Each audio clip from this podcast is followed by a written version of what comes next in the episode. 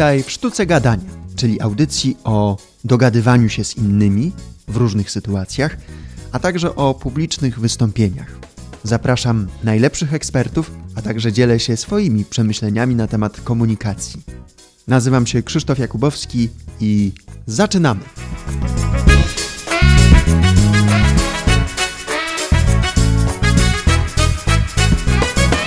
W tym odcinku zapraszam Cię na rozmowę z panią Agnieszką Rogińską, legendarną spikerką, lektorką, radiową i telewizyjną.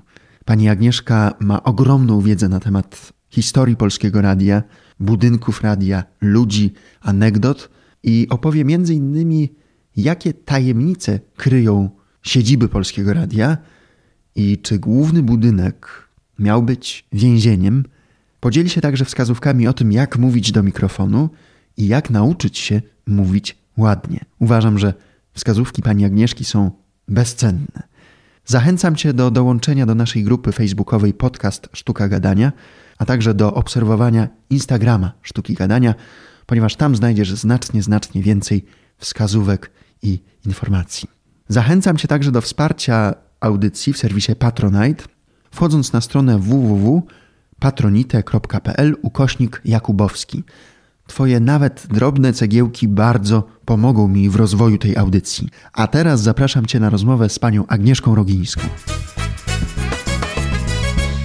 Pani Agnieszka Rogińska jest gościem Sztuki Gadania. To dla mnie ogromny zaszczyt i przyjemność, że mogę Panią powitać. Dzień dobry. Dzień dobry, bardzo mi miło. Ciekaw jestem, czy zgadnie Pani, gdzie usłyszałem po raz pierwszy Pani głos? Jak Pani myśli? Domyślam się, że wcale nie w radiu, na przykład z ekranu telewizora albo w samolocie. Tak, w samolocie. Pod koniec lat 90. ten komunikat, który wprowadzał pasażerów, i zapamiętałem ten miły, charakterystyczny głos, który mówił o niezbyt miłych rzeczach, chociażby o tym, że może spaść ciśnienie w kabinie samolotu. Ale komunikat zaczynał się bardzo miło. Witamy Państwa na pokładzie samolotu polskich linii lotniczych LOT. Z lotem latałam za dwadzieścia parę lat. To było dość ciekawe doświadczenie, dlatego że zwrócił się do mnie jeden z pracowników lotu, który zajmował się oprawą, że się tak wyrażę, całego tego przedsiębiorstwa. No było to już dość dawno temu, ponieważ y, spróbowali nagrywać komunikaty dotyczące różnych zachowań podczas lotu, poza lotem, na, na terenie lotniska, na terenie, ale głównie na terenie pokładu samolotu, głosami pracowników lotu. Nie bardzo się to udawało i postanowili skorzystać z zawodowego czytacza. I tak ten pan miał nazwisko Muzyka. Pan Muzyka trafił do mnie. Doświadczenie było bardzo ciekawe. Jak wchodziły nowe typy samolotów, musiałam dogrywać te komunikaty, ale muszę powiedzieć, że sama się czułam mało komfortowo, kiedy leciałam lotem. Y, dlatego że jak wchodziłam na pokład i słyszałam ten komunikat, to miałam wrażenie, że wszyscy z wielkim zaciekawieniem i z ogromnym zdziwieniem na mnie patrzą. Kuliłam się, chowałam się pod fotel. Ja wiedziałam, że to jest niemożliwe, żeby oni mnie poznali, żeby mnie znali, ale muszę powiedzieć, że przez pierwsze minuty nie odzywałam się w ogóle. Pomyślałam sobie, że jak oni zapomną y, dźwięk tamtego głosu, to będę mogła ze współpasażerami, z tymi, z którymi, osobami, z którymi leciałam, rozmawiać już swobodnie. Teraz już to się niestety zmieniło i te komunikaty są wypowiadane przez obsługę samolotu. Natomiast ten pan muzyka trafił prawdopodobnie do pani przez radio. I zresztą tak jak rozmawialiśmy w rozmowie telefonicznej, umawiając się na to nasze dzisiejsze spotkanie, powiedziała pani, że kocha pani radio i mogłaby pani mówić o nim godzinami. Co jest takiego w radiu urzekającego, że pani kocha radio? Radio to naprawdę jest moja wielka zawodowa miłość. Komuś może się wydawać niemożliwe, żeby można było przez całe życie pracować w jednej firmie. Mój syn nie może wyjść ze zdumienia i mówi: Mama, ty całe życie w tej jednej firmie. A ja mówię: Słuchaj, ale całe życie robię coś innego. Nigdy żaden dyżur, żadne nagranie się nie powtarza. Codziennie jest co innego. W związku z tym, tak jakbym przychodziła codziennie do nieco innej pracy. Radio jest fascynujące, dla mnie jest fascynujące z jednego powodu, bo radio to jest pewna intymność i pewien taki bardzo osobisty, bardzo prywatny kontakt ze słuchaczem. Ze słuchaczem, z odbiorcą, wszystko jedno, jak go nazwiemy. Ale to jest coś, co jest nie do przecenienia i może będę mało odkrywcza, ale wejście kamer do radia troszeczkę ujęło tej radiowej magii. Bo radio to jest coś, czego nie widać. To jest coś, co można tylko usłyszeć. Możemy sobie wyobrazić, kto do nas mówi. Ja mam zresztą takie, takie swoje przemyślenia na ten temat, ponieważ uważam, że głos, głos jest nam przynależny tak jak karnacja, czy jak kolor oczu, bo z włosami to już różnie bywa. I głos jest indywidualnie przypisany do konkretnej osoby. Jeśli jesteśmy w tym, jak mówimy, co mówimy, prawdziwi i autentyczni, to to oczywiście jednym się będzie podobało, drugim się nie będzie podobało. Ale tam nie ma żadnego fałszu. Tam nie brzmi żadna fałszywa nuta. Słuchacze to lubią. Słuchacze lubią szczerość, lubią prawdę, a poza tym bardzo lubią życzliwość. I w głosie słychać. Ja tak sobie wyobrażam kogoś, kto do mnie mówi, kogo nie widzę, i tak sobie myślę, on ma taki sposób mówienia, że ja chyba więcej nie chciałabym go słuchać. On jest ostry, on jest agresywny, on jest nieprzyjemny. Ja mu nic nie zrobiłam. Dlaczego on do mnie mówi w taki właśnie sposób? Ja mam nad nim tę przewagę, że ja go mogę sobie wyłączyć i przełączyć. Także mm, są ludzie, którzy są na przykład duzi i misiowaci. I to też słychać w głosie. Są ludzie energiczni, są ludzie pogodni. Y, chociaż muszę powiedzieć, że tutaj padnie może jedno nazwisko, bo nie chciałabym tak y, wyróżniać szczególnie kolegów, ani pomijać ich nazwisk. Był taki speaker, legendarny speaker, nazywał się Zbigniew Lutogniewski. Kiedy ja rozpoczynałam pracę, on był naprawdę wielką osobowością radiową i miał o, tubalny, mocny, męski, silny głos, więc ja sobie myślę, no jak ja poznam tego pana Lutogniewskiego, to to na pewno będzie taki po prostu jak King Kong. Ja jestem osobą niską. Pan Lutogniewski był mojego wzrostu i w tym drobnym człowieku brzmiał tak potężny, niesamowity głos. Niesamowity głos. Ja wiem, że głosy się z czasem zmieniają, że one matowieją, ale tylko niektóre. E, są ludzie, którzy odchodzą na emeryturę, całe życie pracowali przy mikrofonie i ich głos brzmi tak jak dzwoneczek. A są tacy, którzy mają lat 30, 40 i mają głosy zmatowiałe, ciemne, przytarte. Podejrzewam, że może to się odbywać troszkę na tej zasadzie, że ktoś im powiedział, że mają swój głos przestawić obniżyć, podnieść i każda nienaturalna pozycja dla mm, aparatu mowy, dla, dla strun głosowych powoduje, że ten głos się niszczy, a człowiek, który mówi albo czyta, bardzo się przy tym męczy. E, ja mam takie doświadczenia z czytaniem filmów, e, z czytaniem seriali dokumentalnych. Kobiety głównie czytają filmy przyrodnicze, filmy dokumentalne, filmy biograficzne. Nie ma tam dla nas miejsca na czytanie fabuły i słusznie, dlatego że głos męski jest bardziej neutralny, mniej się wybija, mniej go słychać.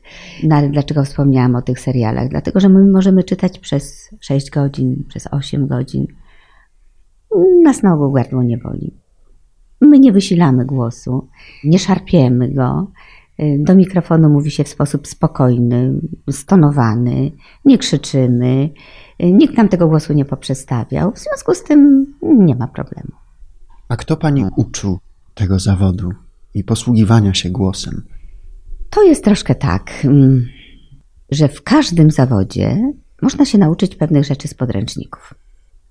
W wypadku radiowca trochę mniej, ale generalnie można tak powiedzieć. Wszystko jedno, czy ktoś jest medykiem, czy ktoś jest szewcem, czy ktoś jest dziennikarzem, czy ktoś jest krawcem. Są pewne zasady, są pewne podręczniki, które pokazują, jak w tym zawodzie się poruszać, ale w każdym zawodzie potrzebny jest mistrz. Wszystko jedno, czy to jest lekarz, czy to jest szewc, czy to jest dziennikarz, czy to jest speaker, dlatego że każdy zawód ma swoje tajemnice, ma swoje niuanse i tego nie da się wyczytać z książek. Tego można się nauczyć w praktyce. Ja miałam to szczęście, że ja trafiłam do radia naprawdę dość przypadkowo, zresztą chyba jak większość speakerów, co Nie było zawodu speakera, nie było zawodu lektora. Po prostu wchodziliśmy tak do radia z marszu, ale ja trafiłam na fantastycznych kolegów. Właśnie takim moim patronem był Zbigniew Lutogniewski, jego żona Stella Weber. Był niezastąpiony Bohdan Zalewski, pan, który, który po prostu nas uczył, który nas nie powiem karał, ale który nas, nam uświadamiał, że nie jesteśmy tacy doskonali, jakby nam się wydawało. I był jeden kolega, któremu zawdzięczam e, w zasadzie to, że tak swobodnie mogę się przed mikrofonem poruszać. I dzięki niemu nigdy nie mam tremy, nigdy nie mam e, stresu. Nazywał się Andrzej Kaszubski. Kiedy byłam bardzo, bardzo młodą spikerką, zaczynałam e, swoją przygodę z radiem. Andrzej już był doświadczonym spikerem i przyszedł do mnie kiedyś do studia i mówi tak, ty się chyba bardzo denerwujesz. Ja mówię, okropnie. Ja sobie wyobrażam, jak każdy ma takie wielkie, słoniowe ucho przyklejone do głośnika i tylko czeka, żebym ja przy podaniu czasu się pomyliła. On mówi, słuchaj, to nieprawda. My mamy studia połączone z reżyserką poprzez szybę. On mówi, zobacz, usiadł ze mną w studiu, popatrz tam ci za szybą. Ten pije herbatę, ten czyta gazetę, ten rozmawia przez telefon. Słuchaj, jak oni cię nie słuchają, to kto cię słucha? I w tym momencie naprawdę to było tak jak przedstawienie pstryczka elektryczka u wierszu Tuwima. Ja tak sobie pomyślałam, no rzeczywiście, no przecież tu jest tylko mikrofon, jestem ja. Jak się zapali czerwone światełko, to znaczy, że mam się odezwać. I to znaczyło tylko tyle i nic poza tym. Nawet w sytuacjach stresujących nic nie jest w stanie mnie wytrącić z równowagi, ponieważ ja wiem, że od mojego działania, od mojej reakcji zależy to, czy w tym radiu będzie cisza, czy w tym radiu ktoś się odezwie, czy ten ktoś uratuje sytuację, zanim mnie wesprze realizator, czy podeprze realizator. I chciałabym być dobrze zrozumiana, to nie wynika z arogancji, to nie wynika z lekceważenia, tylko po prostu mam taką konstrukcję psychiczną, że że tak to działa, nie tylko w radiu, ale w każdej innej sytuacji. Jeśli ktoś potrzebuje pomocy i ode mnie zależy, czy ta pomoc zostanie mu udzielona, to nawet jeśli to mnie dużo y, kosztuje, to ja się sprężam i natychmiast tej pomocy udzielam. Jeśli przyjdą inni, którzy są w stanie mnie zastąpić, to ja wtedy mogę się rozpłakać, ja wtedy mogę y, się zdenerwować, ale nie w tym momencie, kiedy celowość mojego działania może powodować, że uratuję jakąś sytuację. A mówiąc do mikrofonu, do kogo kieruje Pani słowa? Czy do wyobrażonej grupy słuchaczy, czy do osoby po drugiej stronie szyby, czy po prostu do tego urządzenia? Po prostu do tego urządzenia. Bardzo Pana zdziwię. Też idę troszkę w poprzek wszystkim radom, które mówią o tym, że jak jest duże audytorium, to należy sobie znaleźć jednego słuchacza, tak go trzymać wzrokiem i mówić do niego. Ale proszę sobie wyobrazić, że ten, do którego Pan mówi, zacznie robić głupie miny. To wtedy Pan jest ugotowany. Jeśli chodzi o mikrofon i studio, to ja jestem ja i mikrofon. Nie mam żadnego wyobrażonego słuchacza, żadnej grupy, żadnych tłumów. A jeśli się spotykam z większym audytorium, jeśli to jest osób kilkadziesiąt, sto czy więcej, to ja nie widzę nikogo. Ja patrzę przed, albo patrzę za. Każdy ma wrażenie, że patrzę na niego, ale mój wzrok się zatrzymuje przed tym tłumem albo wędruje poza ten tłum. To jest bardzo dobra metoda, dlatego że nawet jeśli ktoś zachowuje się niestandardowo, że tak powiem. Jeśli ktoś, nie wiem, dłubie w nosie, albo się kręci, albo grzebie po kieszeniach, albo zdarza się przecież, że ludzie bez telefonów nie żyją, więc nawet jeśli jest jakiś wykład, to oni tam z tym telefonem e, są nieustająco w kontakcie i z tymi, którzy są tam po drugiej stronie tego telefonu, ale to naprawdę jest dobra metoda. Po prostu nikogo nie wyróżniać, mówić tak, jak, jak ja to czuję, jak ja ten tekst odbieram, co ja chcę powiedzieć i nigdy siebie nie słucham. Nigdy w słuchawkach nie miałam odsłuchu, bo odsłuch powoduje, że ten, kto mówi, zaczyna się kontrolować i nie zwraca uwagi na to, co mówi, tylko zaczyna się zastanawiać, jak mówi.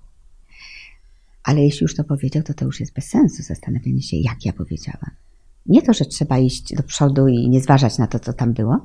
Jeśli coś było nie tak, to trzeba stworzyć na tyle uprawdopodobnioną sytuację, żeby tamto przykryć, zamienić w żart, y, odwrócić. Y, tak to wygląda. Wspomniała Pani, że trafiła do radia przypadkiem, bo tak jak Andrzej Krusiewicz, z którym rozmawiałem dwa odcinki temu, czy mogłaby Pani powiedzieć, jak ten przypadek wyglądał?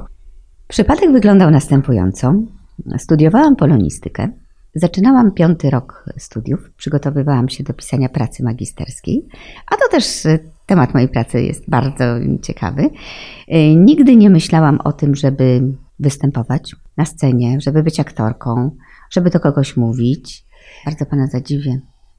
Ja chciałam być baleriną.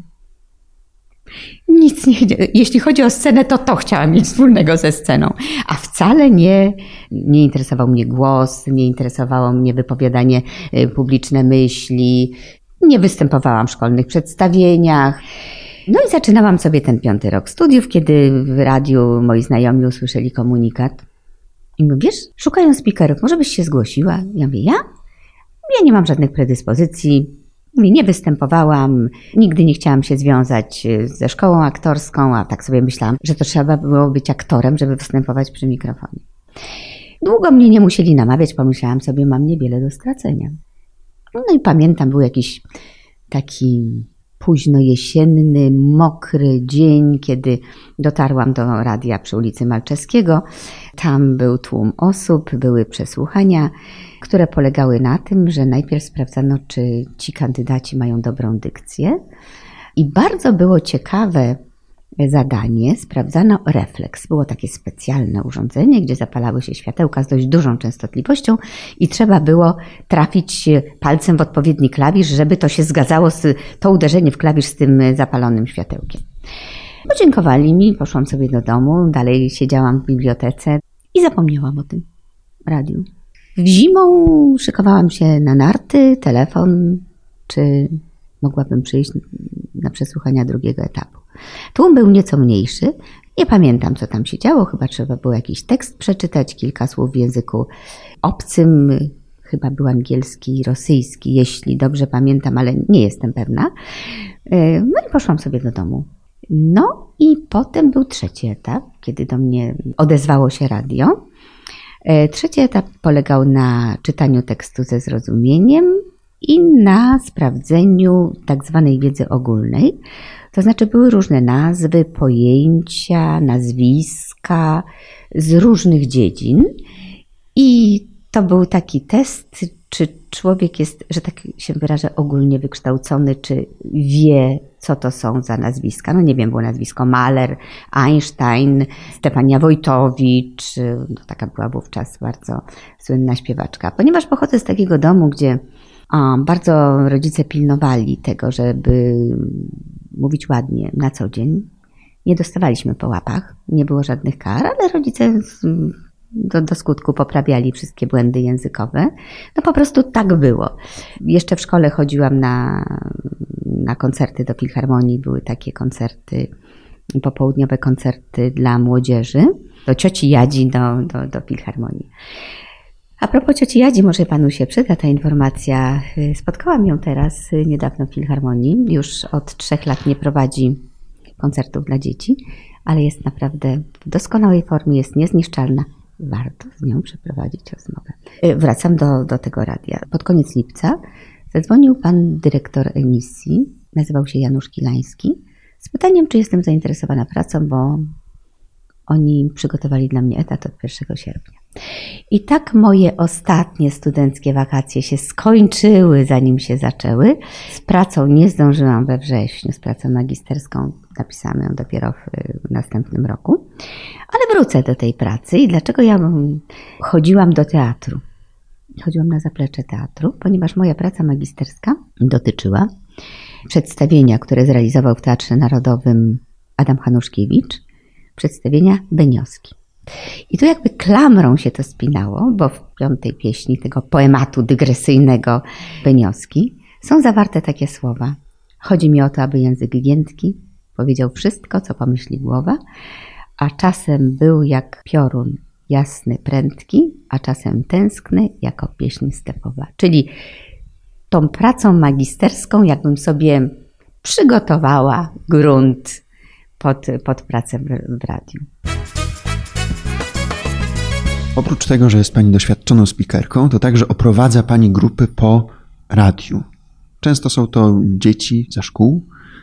Pamiętam, jak e, te grupy czasami torowały korytarze, a dziennikarze zwykle na ostatnią chwilę do studia spiesząc się musieli przemykać przez, przez te grupki. Co najczęściej Pani im mówi? Co jest dla Pani najważniejsze, żeby im przekazać o radiu? Najważniejsze jest to, że radio jest naprawdę magiczne. Nie wszystko trzeba zobaczyć, żeby to było interesujące. Oni odkrywają, że oprócz obrazka jest coś takiego jak dźwięk. Pokazuje im najciekawsze kawałki radia, to znaczy głównie oczywiście bloki emisyjne, czyli te miejsca, w których się mówi bezpośrednio na żywo do mikrofonu, ale zawsze im mówię, że moja praca w radiu polega na niczym.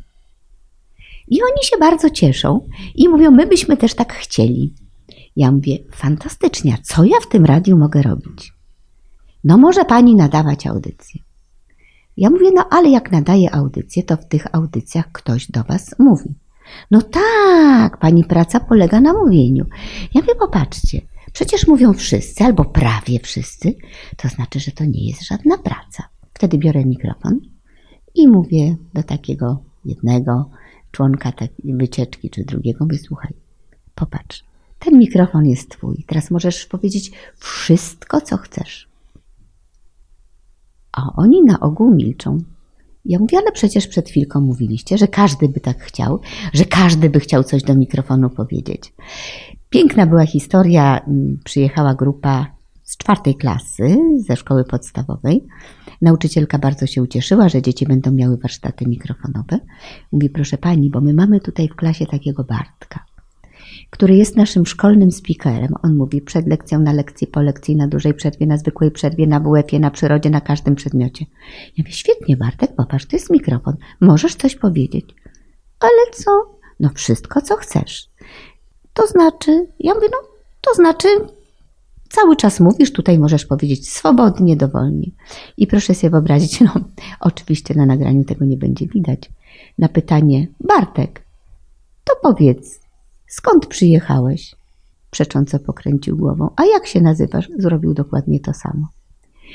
Okazuje się, że mogą się ci młodzi ludzie przekonać, że mówienie też jest pewnym rodzajem sztuki. To nie jest sztuka aktorska, ale to jest sztuka mówienia. Tłumaczę im zawsze, że bardzo prosto można się nauczyć mówić ładnie. Po pierwsze, trzeba mieć dobrą dykcję, no ale to jest do wyćwiczenia. Po drugie, trzeba otwierać buzię, żeby nas można było usłyszeć. Po trzecie, trzeba poznać zasady gramatyki, żeby mówić prawidłowo w tym języku, którym się posługujemy. A oni mówią, czy jeszcze coś? Ja mówię, oczywiście. Trzeba się posiłkować logiką. A to znaczy, a to znaczy, że trzeba tak budować zdania, żeby takie zdania miały sens.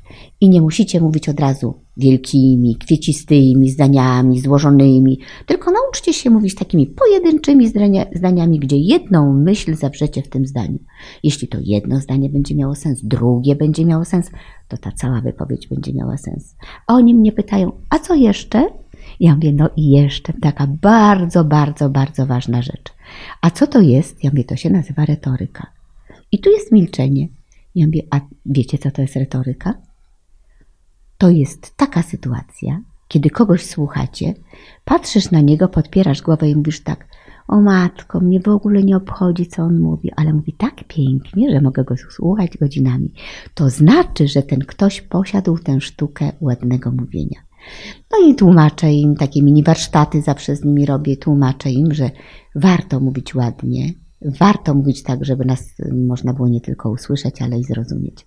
No a przy okazji pokazuję im naszych kolegów, którzy pracują na żywo przy mikrofonie, pokazuję im studia nagraniowe, gdzie można tam wszystko powtórzyć, cofnąć, zacząć mówić jeszcze raz.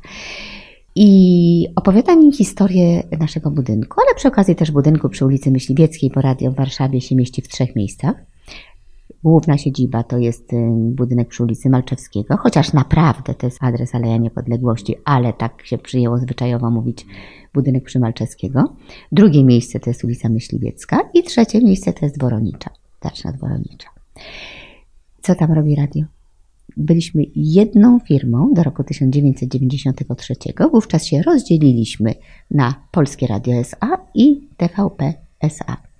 Tam zostały nasze studia nagraniowe, studia Teatru Polskiego Radia i została sala koncertowa S1, studio koncertowe imienia Witolda Lutosławskiego. Administracja, różne inne działy radia przeniosły się do nowego budynku, który jest przyklejony do budynku Przymalczewskiego, ale tam te rzeczy jeszcze zostały. Wprawdzie teraz zmieniono adres, żeby się nie myliło z telewizją i ta sala koncertowa jest już przy ulicy Modzelewskiego, a nie przy ulicy Woronicza. Y, budynek przy Myśliwieckiej ma super historię. Opowiadał mi warszawianista, więc mówię to na jego odpowiedzialność. Historię związaną z y, tymi budynkami rozpiętymi między Aleją Szucha, Alejami Ujazdowskimi, które mieszczą kancelarię premiera. Te budynki to dawne koszary armii carskiej, które powstały na przełomie XIX i XX wieku. Takie budownictwo klasycystyczne, troszkę w tym stylu jak dawny Instytut Weterynarii przy ulicy Grochowskiej, jak Liceum Władysława IV przy Jagiellońskiej. Co te budynki mają wspólnego z Myśliwiecką? W Alejach Ujazdowskich mieścił się pułk szwoleżerów, a budynek przy Myśliwieckiej to były stajnie kawalerii carskiej. I tam, gdzie teraz jest taki stadion widoczny doskonale z estakady trasy łazienkowskiej, to był po prostu plac maneżowy. Fajna historia. Historia, którą znam, dotycząca budynku przy ulicy Malczewskiego, teraz jest y, przez różne osoby, które twierdzą, że dotarły do innych źródeł, modyfikowana, nieco zmieniana, ale pierwotna wersja tej historii brzmi tak. Budynek powstał w pierwszej połowie lat 50. na potrzeby Ministerstwa Bezpieczeństwa Publicznego. Autorem tego gmachu jest Bogdan Pniewski. Budynek jest zbudowany na planie kwadratu, ma cztery wieżyczki na rogach, spacerniak w środku i tak ze dwa i pół piętra w dół. Nie dwa, tylko jeszcze kawałek. W podziemiach są bardzo wąskie korytarze o bardzo niskich stropach. Po drodze mijamy drzwi zamykane na podwójne sztaby z podwójnymi wizjerami. Nie sądzę, według niektórych tam się miała mieścić redakcja zagraniczna Polskiego Radia, nie sądzę, żeby redakcji zagranicznej były potrzebne aż takie zabezpieczenia. Według informacji mm, kolegów, którzy y, pracowali w latach 50. w radiu, y, budynek stał pusty. Ta formacja się tam, o której wspominałam, czyli Ministerstwo Bezpieczeństwa Publicznego, nigdy się tam nie zainstalowała ponieważ wcześniej nastąpiły przemiany roku 56 i budynek stał pusty, niezasiedlony. I polskie radio wprowadzało się tam pod koniec lat 50., dokładnie w 1958 roku. Wówczas dwa istniejące wtedy programy mieściły się przy ulicy Myśliwieckiej. Tam było całe radio. I z tej Myśliwieckiej najpierw się przeniosła redakcja rolna a potem się przeniosła redakcja wiadomości. I tak powolutku przeniosło się całe radio tutaj na ulicę Malczeskiego, a w budynku przy ulicy Myśliwieckiej zostały studia nagraniowe, zostało nasze archiwum, zostały różne inne kawałki radia, aż w 1962 roku tam powstała nasza radiowa trójka i budynek znowu zaczął być budynkiem żywym, nadającym program na żywo. Tak, pamiętam jak Hanna Maria Giza, z którą współpracowałem, zabłądziła w tych piwnicach i różnymi korytarzami dotarła do właśnie takich drzwi, jak pani opowiadała, z zasuwami, wizjerem i ten widok skojarzył jej się jednoznacznie z więzieniem. Jakie jest prawdopodobieństwo, że tam właśnie miało być więzienie? Jest kilka przesłanek, które na to wskazują. Mówię, ja nie jestem e, historykiem, nie jestem historykiem architektury, nie jestem warszawianistą, ale taki jest przekaz dawnych radiowców, że tam ten budynek właśnie miał pełnić e, taką rolę, że tam miało się mieścić więzienie. Po pierwsze, obecnie szeroka, duża Aleja Niepodległości była ulicą podrzędną, stąd od lat zwyczajowa nazwa Radio Namalczyskiego. Ono jest ustawione frontem do ulicy Malczewskiego. Tam jest ładne, paradne wejście. Od strony Alei Niepodległości są skryte, ukryte między murkiem drzwi, które się czasem otwierają, żeby jakieś mm, samochody techniczne mogły wjechać na dziedziniec. Jest czworokątny dziedziniec, cztery rogi wieńczą y, wieżyczki. Czego te wieżyczki miałyby strzec redakcji zagranicznej Polskiego Radia? Taka jest najnowsza wersja. No chyba nie sądzę. Podziemia są bardzo, powiedziałabym, surowe. Bardzo wąskie są korytarze bardzo niskie stropy i korytarze, gdzie są do dzisiaj, bo podejrzewam, że to jest zostawione ze względów historycznych, gdzie dzisiaj są te takie trochę groźne drzwi, one jeszcze dodatkowo mają zabezpieczenia przed wejściem do tychże korytarzy. Nie ma takich rzeczy w radiu dzisiaj. Dzisiaj no może z wyjątkiem naszych nadzwyczajnych archiwaliów, które należałoby aż tak strzec. Stąd wydaje mi się najbardziej uprawdopodobniona ta wersja, że to miało być właśnie więzienie. Tym bardziej, że dokładnie taką samą architekturę ma Komenda Główna Policji która się mieści przy ulicy Pułapskiej, między ulicą Malczewskiego a ulicą Woronicza. Ta komenda jest mało widoczna, dlatego że ona jest cofnięta od ulicy Pułapskiej, jest nieco w głębi, ale architekturę ma albo taką samą, albo niesłychanie podobną. A jednocześnie te grube mury, które okazały się przydatne dla radia, bo są jednocześnie wyciszeniem tych pomieszczeń wewnątrz. Mury są sekretne, mury są y, grube, mury są potężne. Średnio te wewnętrzne ścianki mierzą od mniej więcej około 30 cm grubości, a mury zewnętrzne około 50. Budynek się idealnie nadawał na potrzeby radia, gdzie w czasie emisji, w czasie nagrań musi być bezwzględna cisza. Żadne odgłosy zewnętrzne nie stamtąd już y, do tych naszych studiów nie dochodziły. Tym bardziej, że studia zostały umiejscowione jeszcze dodatkowo od strony tego dziedzińca, który bo niedawno jeszcze był całkowitą strefą ciszy, Pomimo szczelnych okien czasem można było usłyszeć tam jakieś stuknięcie czy, y, czy jakiś ryk silnika, może nie ryk, ale hałas silnika samochodu. Radio wymaga czystości dźwięku. Czystości dźwięku. Oczywiście, jak robimy reportaż, czy robimy nagranie e, gdzieś z jakiejś imprezy, to nawet są wskazane dodatkowe efekty. Ale jeśli jest tylko studio, i jest mikrofon, i jest słuchacz po drugiej stronie głośnika, to te dodatkowe efekty naprawdę są zbędne. Chociaż słyszałem, rozmawiałem z mm, starszym realizatorem, który powiedział, że pewnym problemem była budowa metra, bo kiedy metro zaczęło jeździć, to te drgania przenosiły się do studia, czyli jednak te mury nie wystarczyły, żeby uchronić się przed tymi zakłóceniami. No tak, ja pamiętam, jak ruszało metro, ono hałasowało. Nawet ołówki w szklanym pojemniku potrafiły nieco drżeć. Na szczęście chyba wtedy szefostwo radia zwróciło się do szefostwa metra, żeby spowodowali wyciszenie tam w, w podziemiach. Chyba chodziło o jakieś koła, które były, y, czy się deformowały i dlatego bardzo stukały, czy były nie z takiego stopu, z jakiego powinny być zrobione, ale ja to doskonale pamiętam. Szczególnie to słychać było w czwórce, której studio było najbliżej tunelu metra. A czy jeszcze jakąś ciekawostką związaną z Polskim Radiem mogłaby Pani nam powiedzieć? Y, byłam kiedyś na spotkaniu w Muzeum Pragi. Spotkaniu poświęconym y, zacnym mieszkańcom y, tej dzielnicy, a rzeczywiście było ich tam wielu. Był Różycki, nie tylko pan od bazaru, ale wielki filantrop. Był jeden z budowniczych Gdyni.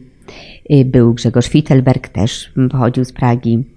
I był na tym spotkaniu pan realizator.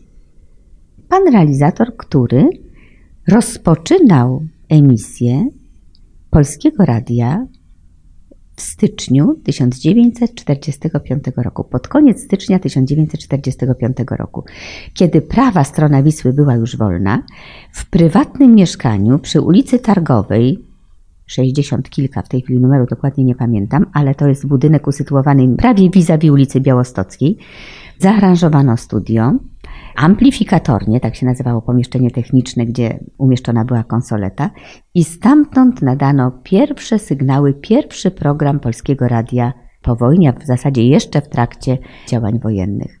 Radio zawsze chciało być bardzo blisko swoich słuchaczy. W czasie wojny oczywiście nie mogło mm, zrealizować tych zamierzeń. Radio, czyli pracownicy radia. Radio zamilkło mniej więcej w połowie września 1939 roku. Za słuchanie radia w języku polskim groziła kara śmierci. Polsce. Oczywiście nadawały z okupowanej Anglii czy z okupowanej Francji, nadawalno takie fragmenty audycji Polskiego Radia. No i oczywiście działająca tutaj w Warszawie w czasie powstania była rozgłośnia powstańcza Błyskawica, ale to wszystko. I radiowcy tak bardzo się spieszyli do swoich słuchaczy, że jeszcze w czasie działań wojennych na terenie oswobodzonej już Pragi rozpoczęli nadawanie programu. Bardzo dziękuję, było mi ogromnie miło i mam nadzieję, że jeszcze będziemy mieli okazję porozmawiać i się usłyszeć. Prawdopodobnie usłyszymy się z przyjemnością. Mam w zanadrzu masę jeszcze ciekawostek. Mam w zanadrzu masę anegdotek. Wszystkiego nie da się od razu opowiedzieć. Trzeba stopniować napięcie. Bardzo serdecznie dziękuję za zaproszenie. To była dla mnie ogromna przyjemność. Tak jak wspominałam, radio to jest moja miłość. Nie jedyna, ale jedna z wielu miłości. Dziękuję bardzo. Dziękuję Ci za to spotkanie. Zachęcam Cię do wysłuchania tych poprzednich audycji, jak i kolejnych, które powstaną. Obiecuję, że w najbliższym czasie będą bardzo ciekawi goście. Zachęcam Cię do dołączenia do naszej facebookowej grupy Podcast Sztuka Gadania, do obserwowania Instagrama, a także do wsparcia audycji w serwisie Patronite, wchodząc na stronę www.patronite.pl ukośnik Jakubowski. Życzę Ci miłego dnia. Do usłyszenia w kolejnych odcinkach. Cześć.